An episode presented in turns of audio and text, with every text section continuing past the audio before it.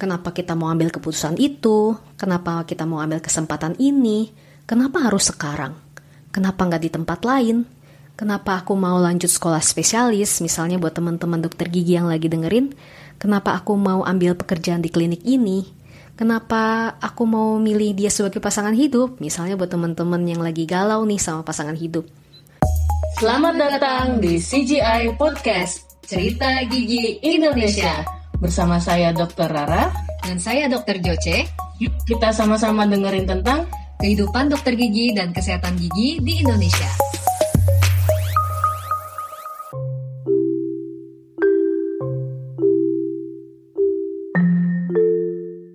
Halo, selamat datang di Cerita Gigi Indonesia bersama saya Dr. Joce. Nah, di challenge 30 hari bersuara dari podcaster Indonesia, kita sudah memasuki hari ketiga nih. Nah, topik kita pada hari ketiga ini adalah tentang keputusan. Mungkin teman-teman yang lagi mendengarkan dan juga saya sendiri sering dihadapi sama yang namanya keputusan, baik itu keputusan yang mungkin biasa aja, atau mungkin agak berat, atau mungkin yang berat banget. Nah, sebenarnya apa sih keputusan itu? Ada perkataan bahwa setiap keputusan yang kita ambil di masa lalu itu akan membentuk kita menjadi yang sekarang. Dan keputusan yang kita ambil hari ini akan membentuk kita di masa yang akan datang.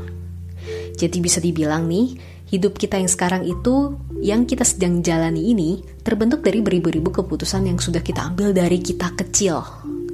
Jadi kita yang sekarang itu adalah buah hasil dari keputusan-keputusan kita di masa lalu, teman-teman. Kalau kita uh, pernah dengar ya, mungkin secara saintifik, setiap hari rata-rata seorang manusia itu bisa membuat 35 ribu keputusan per harinya loh. Banyak banget kan? Dan mungkin sebelumnya kita nggak pernah sadar. Karena biasanya itu adalah keputusan-keputusan yang kecil. Atau yang bisa disebut ya keputusan sehari-hari. Misalnya, keputusan mau makan di mana, mau pakai baju apa hari ini, mau sikat gigi dulu nggak ya hari ini, mau pegang HP dulu nggak ya pas abis bangun tidur, Mau lihat Instagram gak ya? Atau seperti teman-teman yang lagi ada dengerin podcast ini sekarang, mau dengerin podcast ini gak ya? Kayak gitu, dan seterusnya. Tapi di dalam hidup ini ada juga yang namanya keputusan-keputusan besar yang mampu memberikan efek yang dahsyat buat hidup kita. Bahkan yang kadang-kadang tuh bisa membalik arah hidup kita secara total 180 derajat atau yang kita sebut dengan life changing.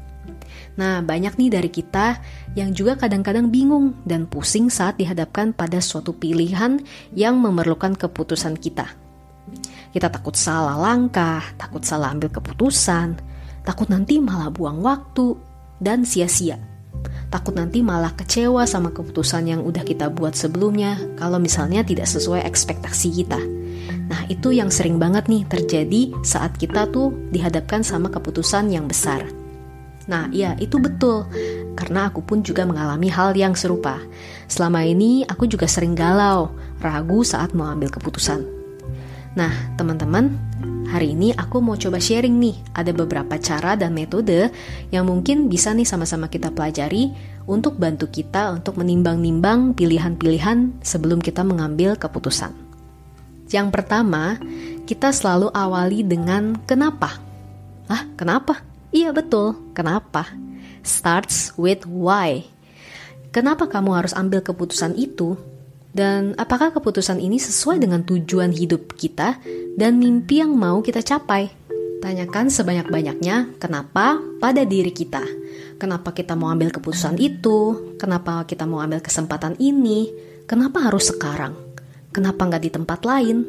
Kenapa aku mau lanjut sekolah spesialis? Misalnya buat teman-teman dokter gigi yang lagi dengerin, Kenapa aku mau ambil pekerjaan di klinik ini? Kenapa aku mau milih dia sebagai pasangan hidup? Misalnya buat teman-teman yang lagi galau nih sama pasangan hidup. Intinya dari setiap keputusan yang kita mau ambil, kita harus gali dulu kenapanya, sedalam-dalamnya, supaya alasan kita itu kuat dan nantinya ini membantu kita dalam menentukan keputusan-keputusan atau mengambil keputusan yang penting dari hidup kita. Nah, itu yang pertama, teman-teman. Yang kedua, tentukan what dan how-nya. Strategi apa dan bagaimana caranya kita mau melakukan keputusan-keputusan kita itu. strategi apa, alternatifnya apa. Tulis aja plan A, plan B, atau plan C-nya. Jadi kita bisa tentukan alternatif yang paling sesuai sama goal kita. Mana sih dari goal itu yang kira-kira paling bisa membawa kita lebih cepat dan lebih efisien ke tujuan hidup kita itu. Nah, dari sana kita udah bisa mengerucutkan langkah apa yang kita nanti bisa ambil. Yang ketiga adalah research dan cari informasi sebanyak-banyaknya tentang kelebihan dan kekurangan dari masing-masing alternatif. Nah, baru kamu bisa lihat mana pilihan yang kekurangannya bisa kamu toleransi dan kelebihannya bisa kamu manfaatkan secara maksimal. Contoh misalnya saat pilih pekerjaan A, mungkin prosnya gajinya besar, tapi consnya bisa menyita waktu yang cukup banyak untuk keluarga. Nah, kalau misalnya memang itu sesuai dengan poin kamu dan kamu nggak apa-apa gitu ya, itu nggak masalah. Kamu boleh ambil keputusan itu. Balik lagi ke poin satu, why-nya kamu. Sesuai nggak sama tujuan kamu? Sesuai nggak sama alasan kamu untuk mengambil keputusan ini? Kalau misalnya keputusan itu sudah sesuai, uh, sudah sesuai dengan why-nya kamu, boleh kamu ambil keputusan itu. Balik lagi ke why-nya.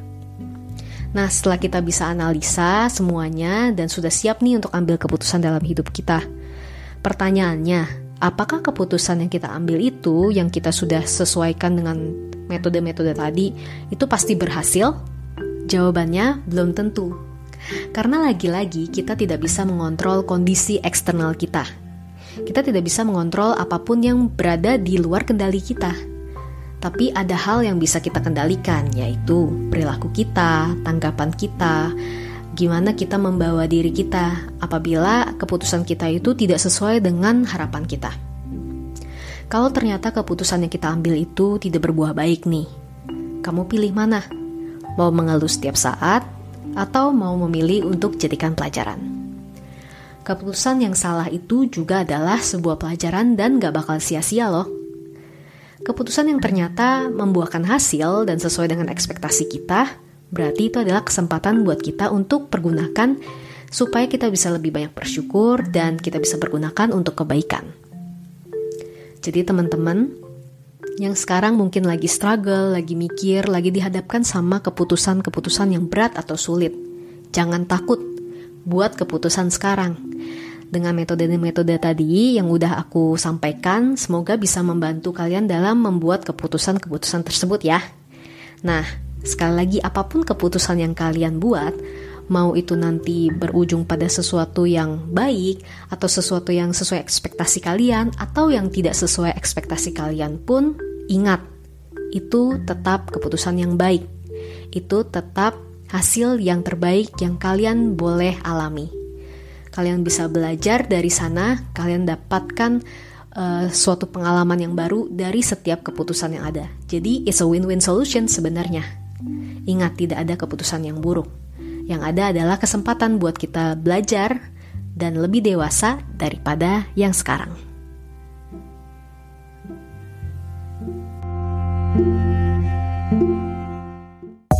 Cerita Gigi Indonesia, tempat curhat dan edukasi dari dokter gigi Indonesia kepada teman sejawat dan masyarakat umum. Kalau kamu suka podcast kami, subscribe atau follow dan share podcast ini ke teman-teman kamu.